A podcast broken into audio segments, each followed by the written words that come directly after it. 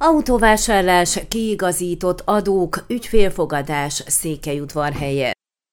Három gépjárművet szeretne vásárolni a polgármesteri hivatal az intézmény műszaki osztályának, ám a piaci helyzet miatt ezeket nem tudja leszállítani évvégéig a gyártó.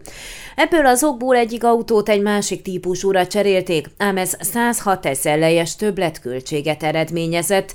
Vezette fel a költségvetés módosítás első pontját Albert Sándor városmenedzser. Mint mondta, emellett 200 ezer csoportosítanak át utcafelújítási tervekre. Az erről szóló tervezeteket jóvá hagyták az önkormányzati képviselők. Az RMDS frakció nehezményezte, hogy nem szerepel a napirendek között az intézmények költségvetés kiegészítéseként utalt 1 millió lej hasznosítása, de válaszként azt kapták, hogy erről az október végi tanácsülésen tárgyalhatnak.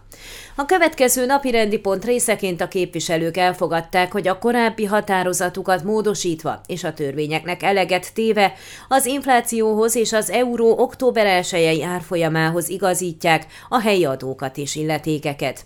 Egy az Urbanához tartozó területet a város közvanyonába helyeztek át, továbbá szándéknyilatkozatot fogadtak el arról, hogy további négy a céghez tartozó telek esetében is hasonlóan járnak el. Mint egy 20 ezer lejjel emelkednek az idősek nappali foglalkoztató központjának megvalósítási költségei, amire szintén rábólintott a tanácsosok többsége.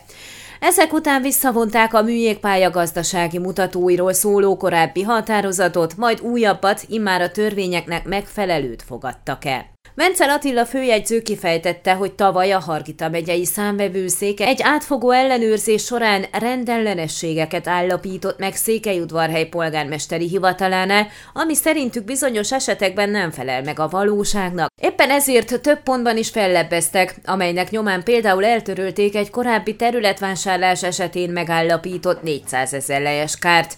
A szakhatóság szerint azonban további kár érte a város a legelő káron aluli bérbeadása miatt. Ezzel sem ért egyet az intézmény, így a képviselők többségének jóváhagyása nyomán ügyvédet fogadnak a jogorvoslás érdekében.